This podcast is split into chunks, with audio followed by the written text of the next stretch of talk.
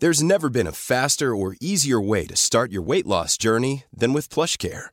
PlushCare accepts most insurance plans and gives you online access to board-certified physicians who can prescribe FDA-approved weight loss medications like Wigovi and Zepbound for those who qualify.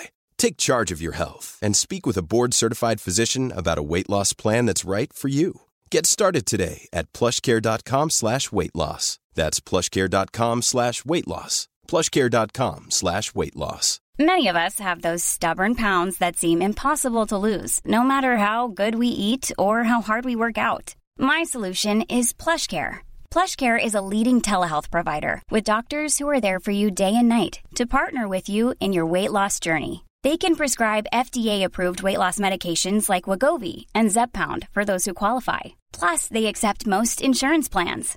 To get started, visit plushcare.com slash weight loss. That's plushcare.com slash weight loss. Ever catch yourself eating the same flavorless dinner three days in a row? Dreaming of something better? Well, HelloFresh is your guilt-free dream come true, baby. It's me, Kiki Palmer. Let's wake up those taste buds with hot, juicy pecan-crusted chicken or garlic butter shrimp scampi. Mm. Hello Fresh. Stop dreaming of all the delicious possibilities and dig in at HelloFresh.com. Let's get this dinner party started.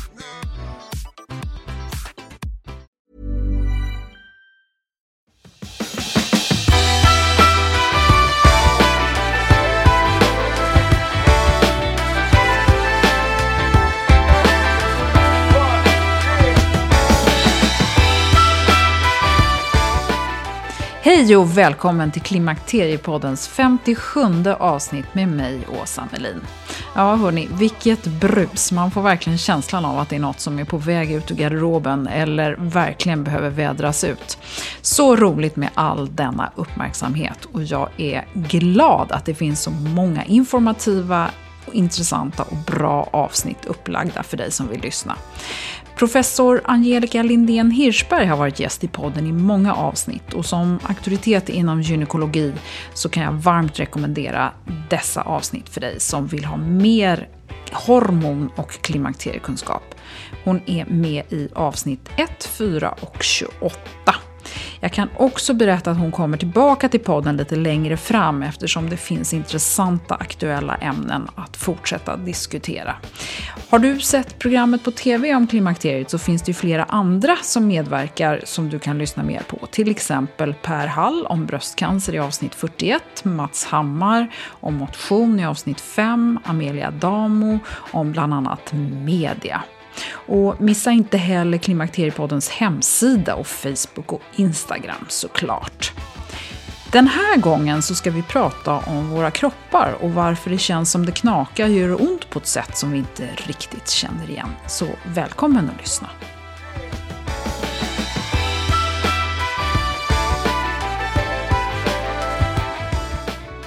Elisabeth Hagert, välkommen till Klimakteriepodden. Tack så jättemycket. Du är docent, läkare, handkirurg, specialist och vi sitter på Arcademy, här din mottagning på Sofiahemmet. Stämmer. Berätta, vad är, vem är du? Jag är ja, Elisabeth, jag är 45 år gammal och har jobbat som specialist i handkirurgi i 13 år. Började med handkirurgi för snart 18 år sedan. Utbildningen gjorde jag till stora delar i Norge, i Sverige och i USA. Men händer, måste jag ju säga, är ju det mest fantastiska som finns. Varenda patient som kommer in till mig säger att det är så jobbigt för handen är så viktig för mig. Och då spelar det ingen roll om du är rörmokare eller eh, pianist eller journalist eller vad du jobbar med. För händerna är ju det vi använder hela tiden. Allting vi gör. Både i arbete, i vårt sociala liv och i beröring, i kontakt med andra. Så använder vi våra händer. Mm. Det är spännande tycker jag, för vi ska prata om artros idag. Mm. Och eh, artros är någonting som jag tror ganska många har rätt flummiga begrepp om vad det är. Men det är högst eh, relevant för kvinnor mm. och män för den delen. Men när vi kommer upp i typ 45 plus. Kan du inte berätta, vad är artros? Man, egentligen så finns det två olika typer av artros. Den ena typen kommer vi inte prata så mycket om idag, tänker jag. Eh, och det är det man kallar för den posttraumatiska artrosen. Det är den typen av artros eller ledförslitning som uppstår till följd av att man har haft en skada i leden. Till exempel om du har slitit av dig korsbandet i knät så finns det en mycket högre risk att du över tid kan utveckla förslitning eller artros i knäleden. Och då är det vad man kallar en posttraumatisk artros. Artrosen som jag tycker att vi ska fokusera på idag, det är ju den som drabbar kvinnor i, i allra högsta grad. Och det är den typen av artros som kommer av ålder och arv. Det är alltså, du behöver inte ha haft en skada utan detta kan ändå komma. Och vad är då artros? Eh, om vi pratar om den här typ 2-varianten då, som du nämnde sist. Artros anses då vara eh, enkelt sagt eh, åldersbetingat och en förslitning av leden. Man brukade eh, kalla det förr i tiden för eh, ledgångsreumatism, men det är också felaktigt. För ledgångsreumatism är ju att du har en reumatisk sjukdom.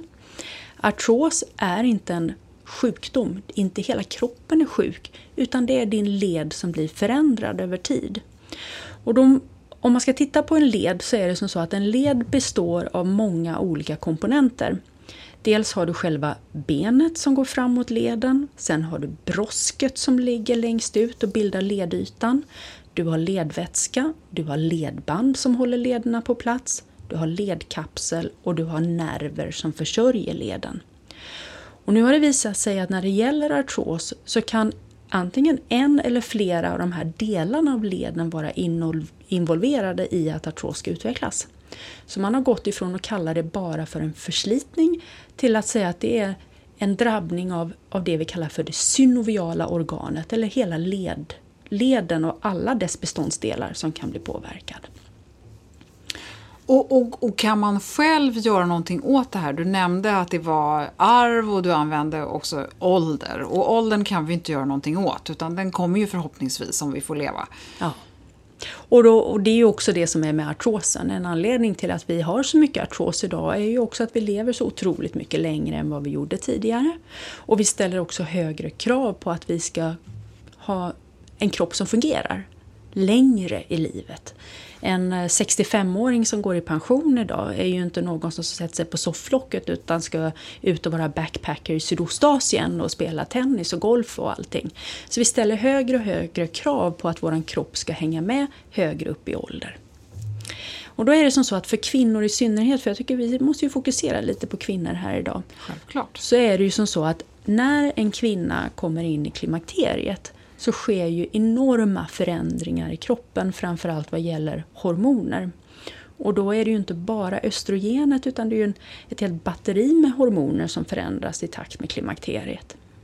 Om man tittar på hur leder är uppbyggda så är det som så att ledband har små, små, små celler inuti ledbanden. Bland annat finns det receptorer för hormoner som sitter i ledband. Till exempel östrogenreceptorer. Så det man har kunnat se till exempel i händer är att kvinnor som då har östrogenreceptorer, när de kommer i klimakteriet, ja då har de ju ingenting som fyller de här receptorerna längre, för östrogenet försvinner ur kroppen. Då ser man att ledbanden börjar förändras. De blir starkare. de har en tendens att kunna sträckas ut mera, leden kan bli mer instabil och som en följd av att leden blir mer instabil så börjar den röra sig till dess ytterligheter och då börjar man nöta på själva ledytorna och på brosket. Och voilà så är man inne i en förslitningscirkel. Oj! Ja men det, det låter så dramatiskt. Va, va, vad blir följden då? Det här, är, det här är ju också det som är så spännande. Det här är inget linjärt förlopp i detta utan när det gäller artros så en del drabbas knappt alls. En del som får artros, där kan det se förskräckligt ut som att man har du vet, sån här häxfingrar med knölar runt lederna. Men de har ingen verk. Och en del har så mycket verk från sin artros att även om det inte ser ut som om det är så mycket artros kan de ha jätteont i sina leder. Och det där vet vi inte varför det är så. Att man reagerar så olika på ett tillstånd i lederna som kan variera så mycket.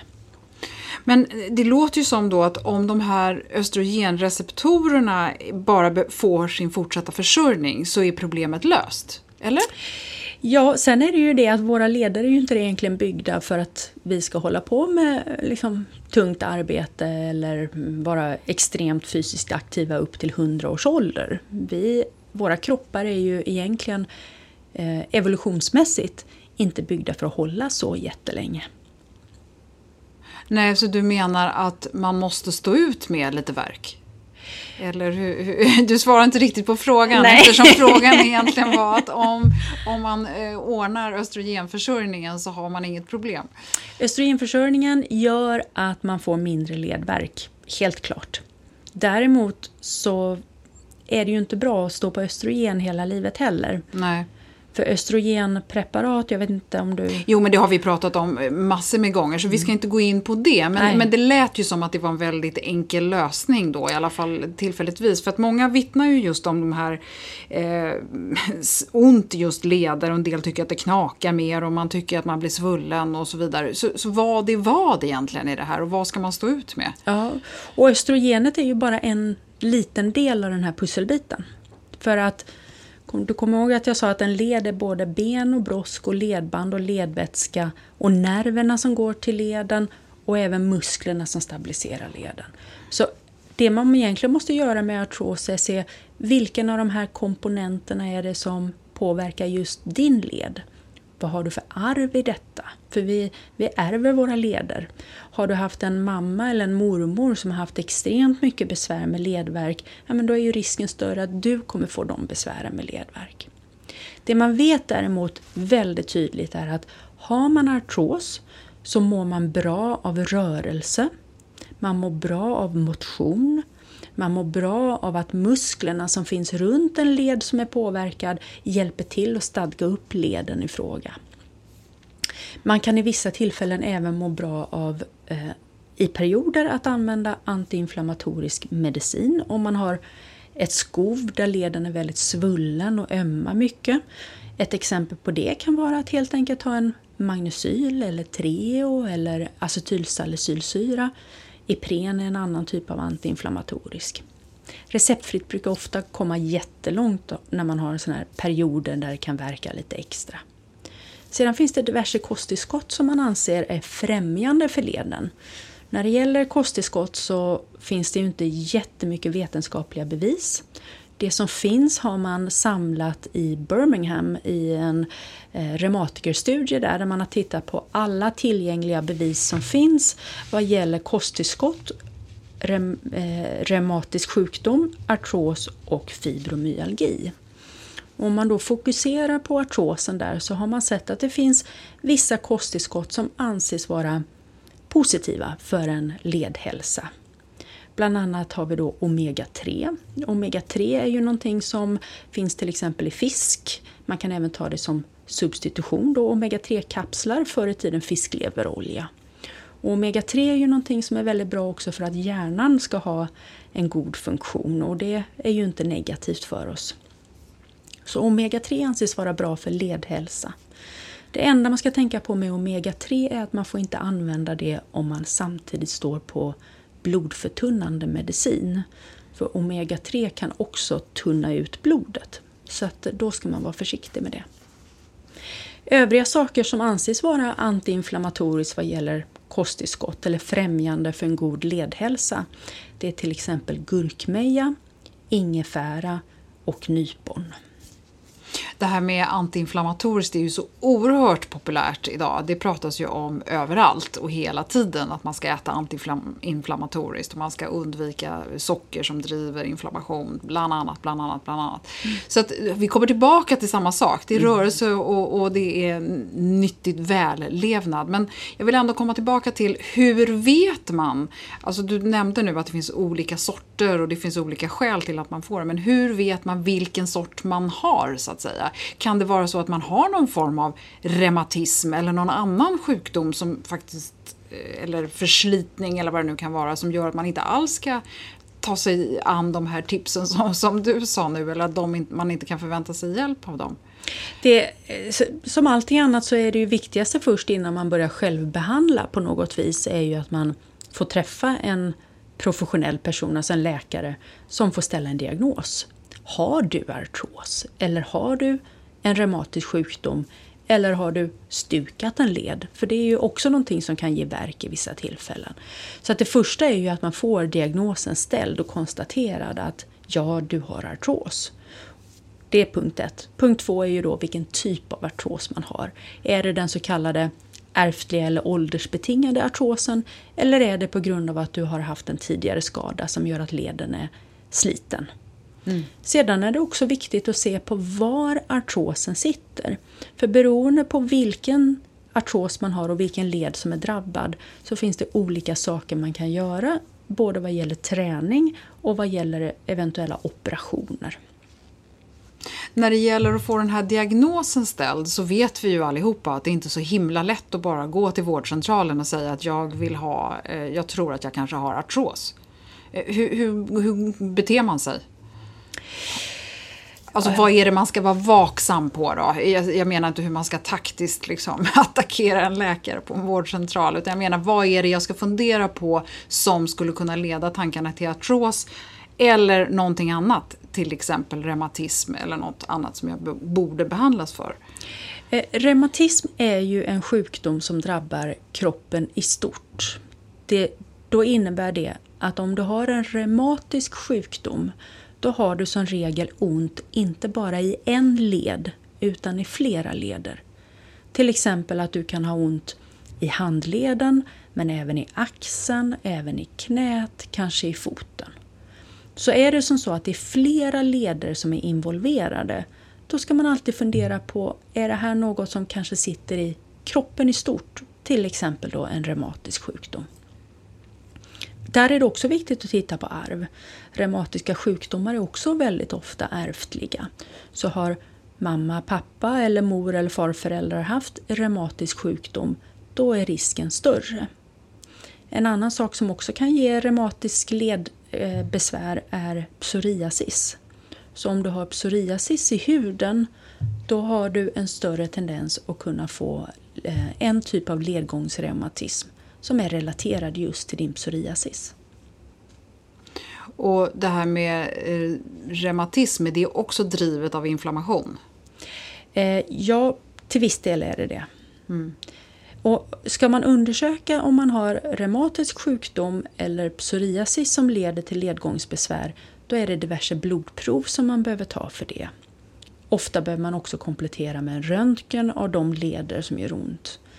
När det gäller ren artros, alltså inte någon sjukdom i hela kroppen, utan bara kanske att en eller ett par fingerleder är besvärade, då hjälper inte blodprov, men man kan ofta behöva ta en röntgen för att se hur leden ser ut.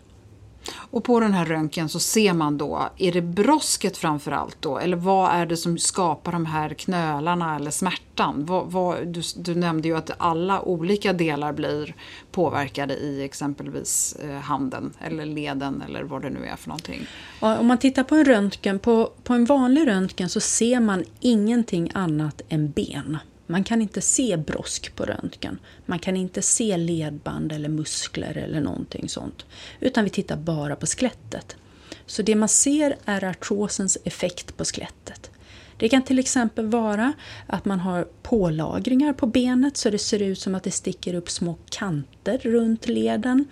Det kan vara att leden, alltså ledytan, det vill säga det mellanrum som finns mellan två ben, att det är mindre än vad det borde vara. Blir det ledytan eller ledspringan blir den mindre, då är det ett tecken till att brosket börjar nötas ut och att benen då närmar sig varandra.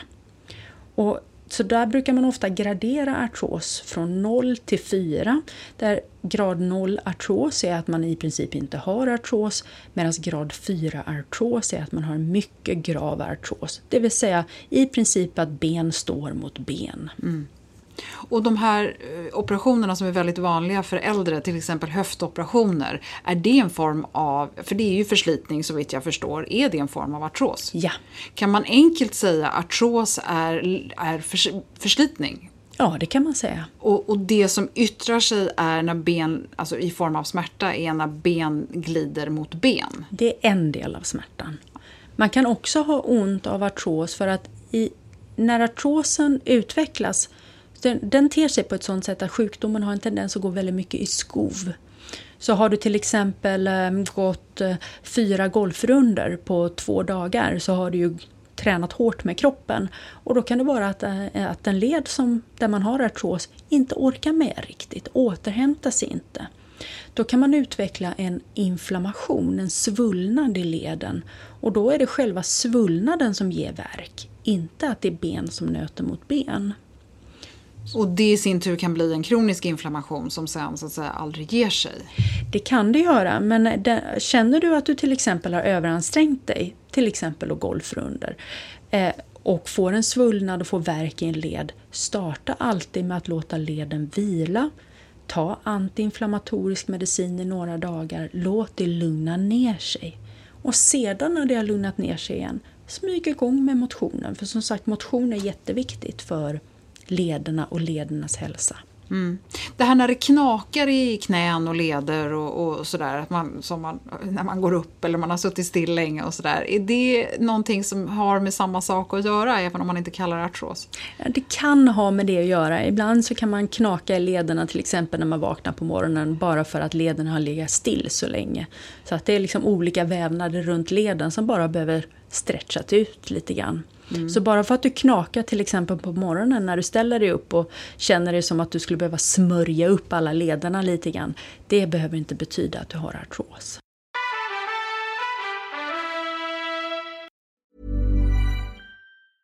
Many of us have those stubborn pounds that seem impossible to lose, no matter how good we eat or how hard we work out. My solution is PlushCare. PlushCare is a leading telehealth provider with doctors who are there for you day and night to partner with you in your weight loss journey. They can prescribe FDA-approved weight loss medications like Wagovi and Zepbound for those who qualify. Plus, they accept most insurance plans. To get started, visit plushcare.com slash weight loss. That's plushcare.com slash weight loss. Ever catch yourself eating the same flavorless dinner three days in a row? Dreaming of something better? Well, HelloFresh is your guilt-free dream come true, baby. It's me, Gigi Palmer. Let's wake up those taste buds with hot, juicy pecan-crusted chicken or garlic butter shrimp scampi. Mm. Hello Fresh. Stop dreaming of all the delicious possibilities and dig in at HelloFresh.com. Let's get this dinner party started. Life is full of what-ifs. Some awesome, like what if AI could fold your laundry? And some, well, less awesome, like what if you have unexpected medical costs? United Healthcare can help get you covered with Health Protector Guard fixed indemnity insurance plans. They supplement your primary plan to help you manage out of pocket costs. No deductibles, no enrollment periods, and especially no more what ifs. Visit uh1.com to find the Health Protector Guard plan for you. Det är härligt att klimakteriets tabu äntligen är på väg bort. Vill man försöka klara sig utan hormonbehandling så finns nu många nya kosttillskott som lovar bland annat hormonell balans och som ska stötta brister. Jag vill lyfta min räddare i nöden, Femarel. Det har inte bara varit min utan många andra kvinnors räddning i över 20 år. Och med lång tid på marknaden, med nöjda användare, dessutom med 20 forskningsstudier så vågar jag säga att det kan vara en god idé att prova Femarel. Femarel finns på apoteken och i hälsokostbutiker. Tack Femarel som varit min samarbetspartner i många år.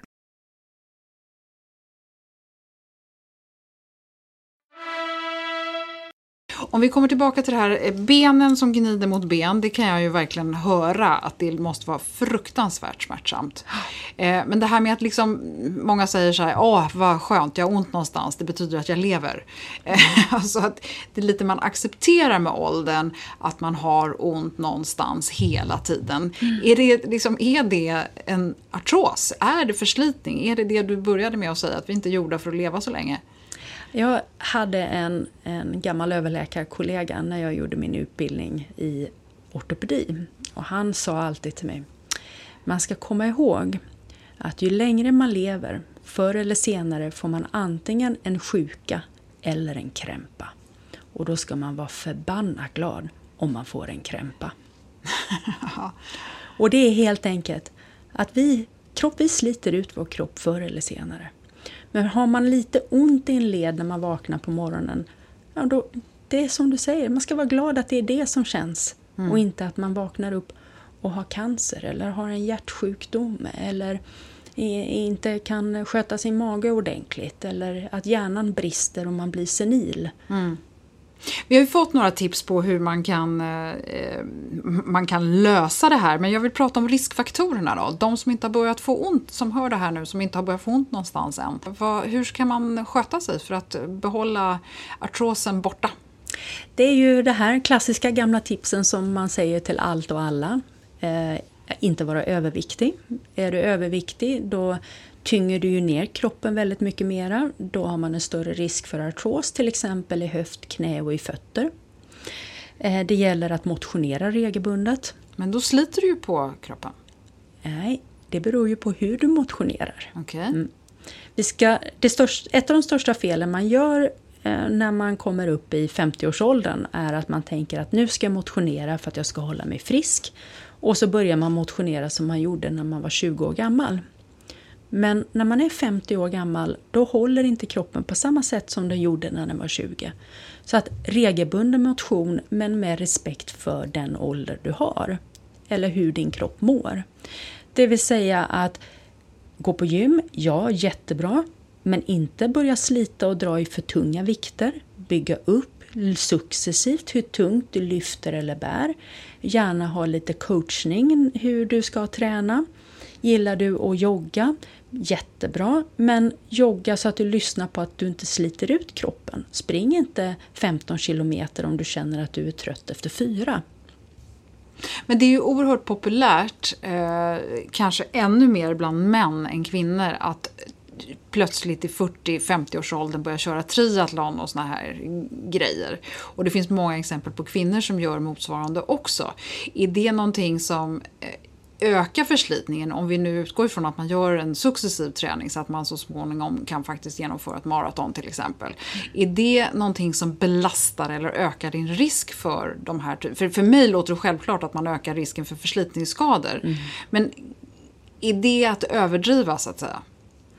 Eh, ja, den, den tendensen har ju funnits nu i flera år att eh, och kanske i synnerhet i, i eh, Stockholm, i storstäder och i exekutiva miljöer, att man ska verkligen göra svensk klassiker och ägna sig åt triathlon och visa att man är lika kurant som en 25-åring som jobbar på kontoret. Men om det är som så, vilket det är för de allra flesta, att när du kommer upp i 30-årsåldern så har du en karriär som tar fart, du skaffar familj och du, familj, familjebilden och arbetslivet tar så mycket tid att under många år kanske du inte hinner träna speciellt regelbundet.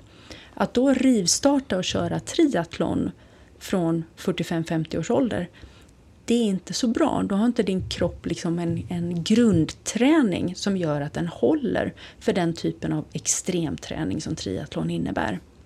Har du däremot ända sedan 20 års ålder eller ännu tidigare haft en regelbunden träningsdos 3-4 gånger i veckan, då är det okej okay att köra triathlon när man är 45-50. För du har det i din kropp. Mm. Vi ser ju väldigt mycket förslitningsskador på vår klinik här på Academy på Sofiahemmet. Tack vare att folk i 50-årsåldern kör igång med allt för hård träning. Mm.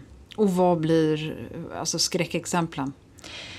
Eh, ledbandsskador, eh, muskelbristningar, slita av senfästen, eh, accelerera eh, ledvärksbesvär, eh, få frakturer, eh, accelerera förlopp för artros. Så att det är eh, dessvärre väldigt vanligt förekommande. Mm. Eh, jag är inte säker på att jag riktigt eh, förstod besläktningen eller icke-besläktningen mellan reumatism och artros. För det, det, är ju uppenbarligen en skillnad. Du, du, du, nämnde att det var i hela kroppen, så att säga, om man har reum, reumatism och artros är en, vid ett isolerat ställe. Mm. Men är grunden förslitning i båda fallen? Nej. Reumatism är en sjukdom. Det är din kropp som har en sjukdom som gör dina leder blir drabbade.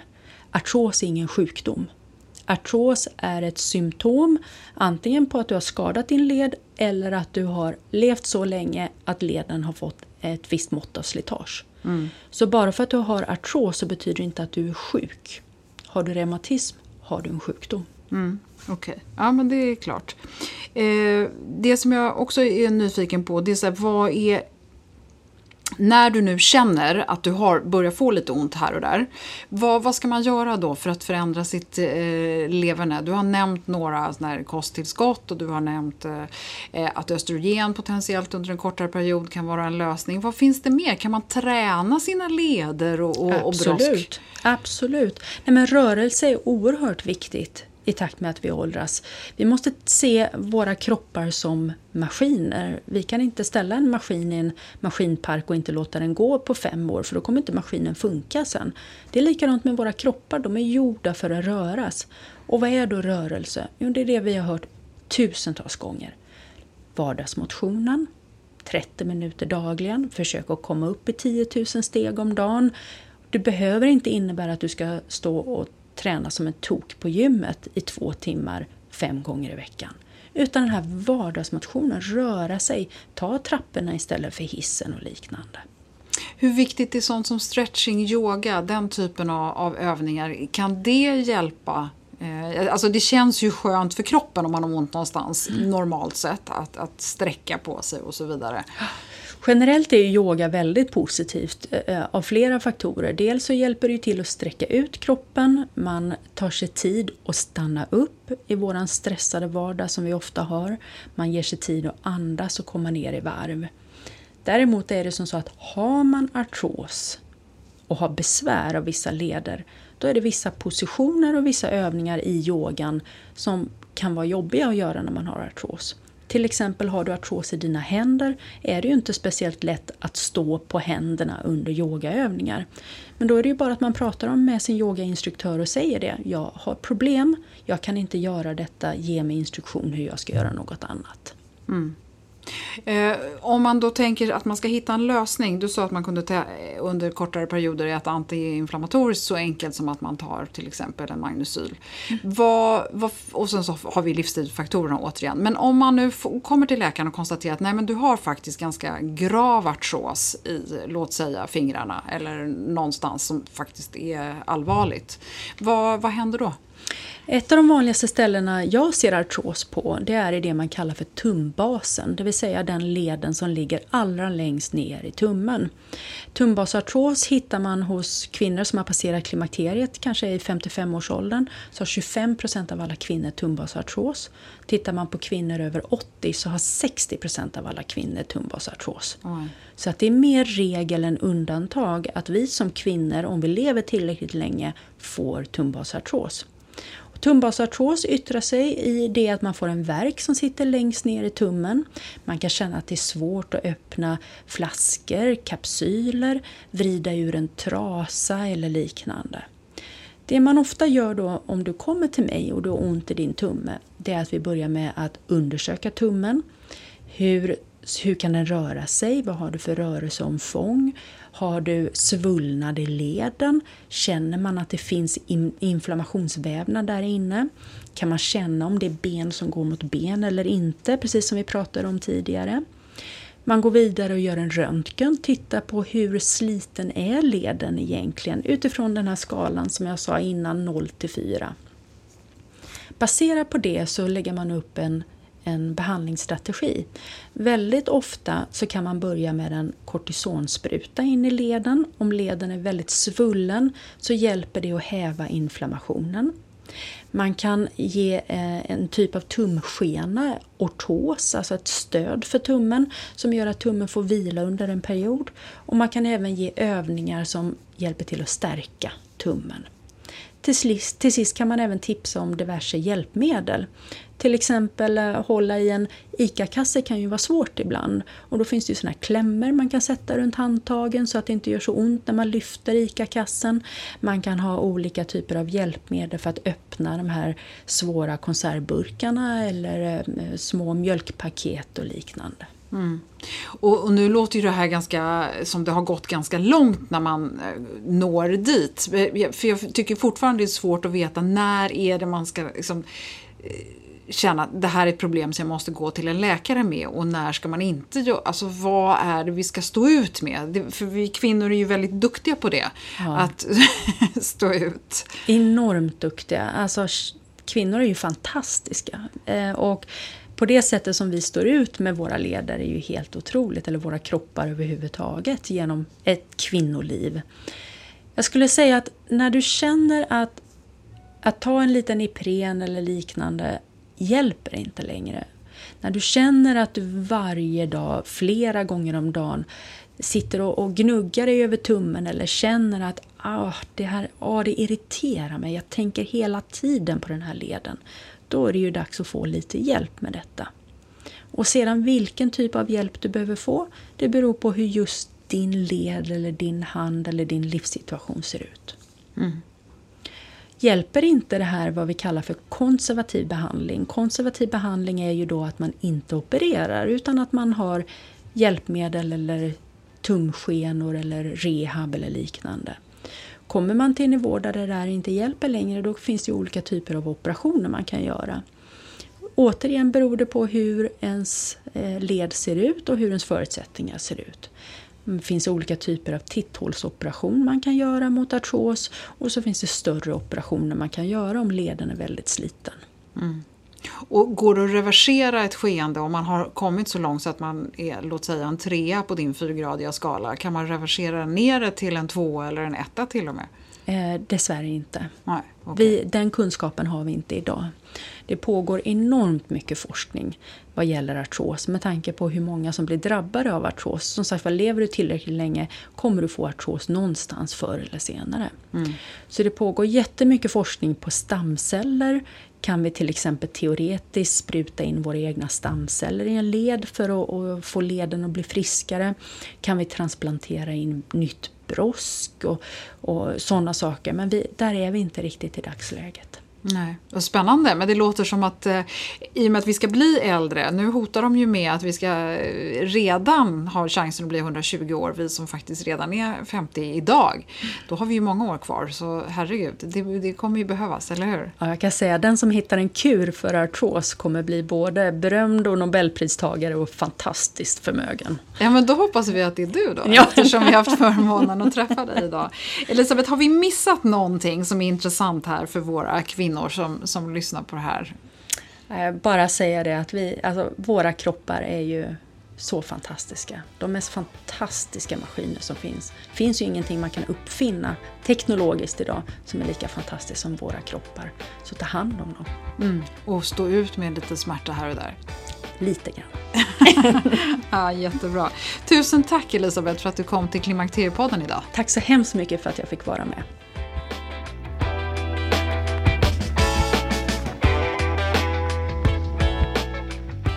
Ja, det var bra timing på det här avsnittet för jag har faktiskt fått flera frågor från er lyssnare på sista tiden om just det här ämnet, knak och brak och verk.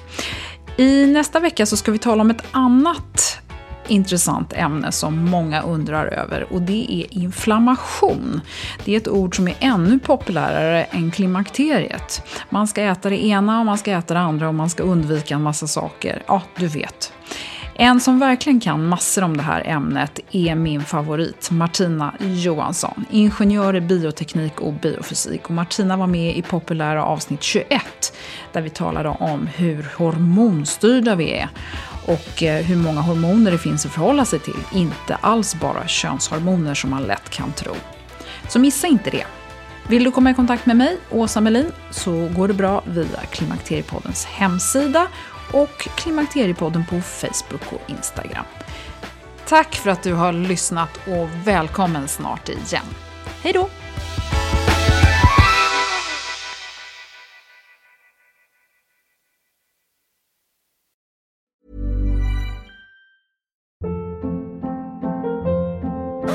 Hold up. What was that? Boring. No flavor. That was as bad as those leftovers you ate all week. Kiki Palmer here, and it's time to say hello to something fresh and guilt-free. Hello Fresh. Jazz up dinner with pecan-crusted chicken or garlic butter shrimp scampi. Now that's music to my mouth. Hello Fresh. Let's get this dinner party started. Discover all the delicious possibilities at hellofresh.com. Hi, I'm Daniel, founder of Pretty Litter. Did you know cats tend to hide symptoms of sickness and pain? I learned this the hard way after losing my cat, Gingy. So I created Pretty Litter, a health monitoring litter that helps detect early signs of illness by changing colors, saving you money and potentially your cat's life. Pretty Litter is veterinarian developed, and it's the easiest way to keep tabs on your fur baby's health right at home. Go to prettylitter.com and use code ACAST for 20% off your first order and a free cat toy. Terms and conditions apply. See site for details. Imagine the softest sheets you've ever felt. Now imagine them getting even softer over time. That's what you'll feel with Bowl and Branch's organic cotton sheets. In a recent customer survey, 96% replied that Bowl and Branch sheets get softer with every wash. Start getting your best night's sleep in these sheets that get softer and softer for years to come. Try their sheets with a 30-night guarantee. Plus, get 15% off your first order at bowlandbranch.com. Code BUTTERY. Exclusions apply. See site for details.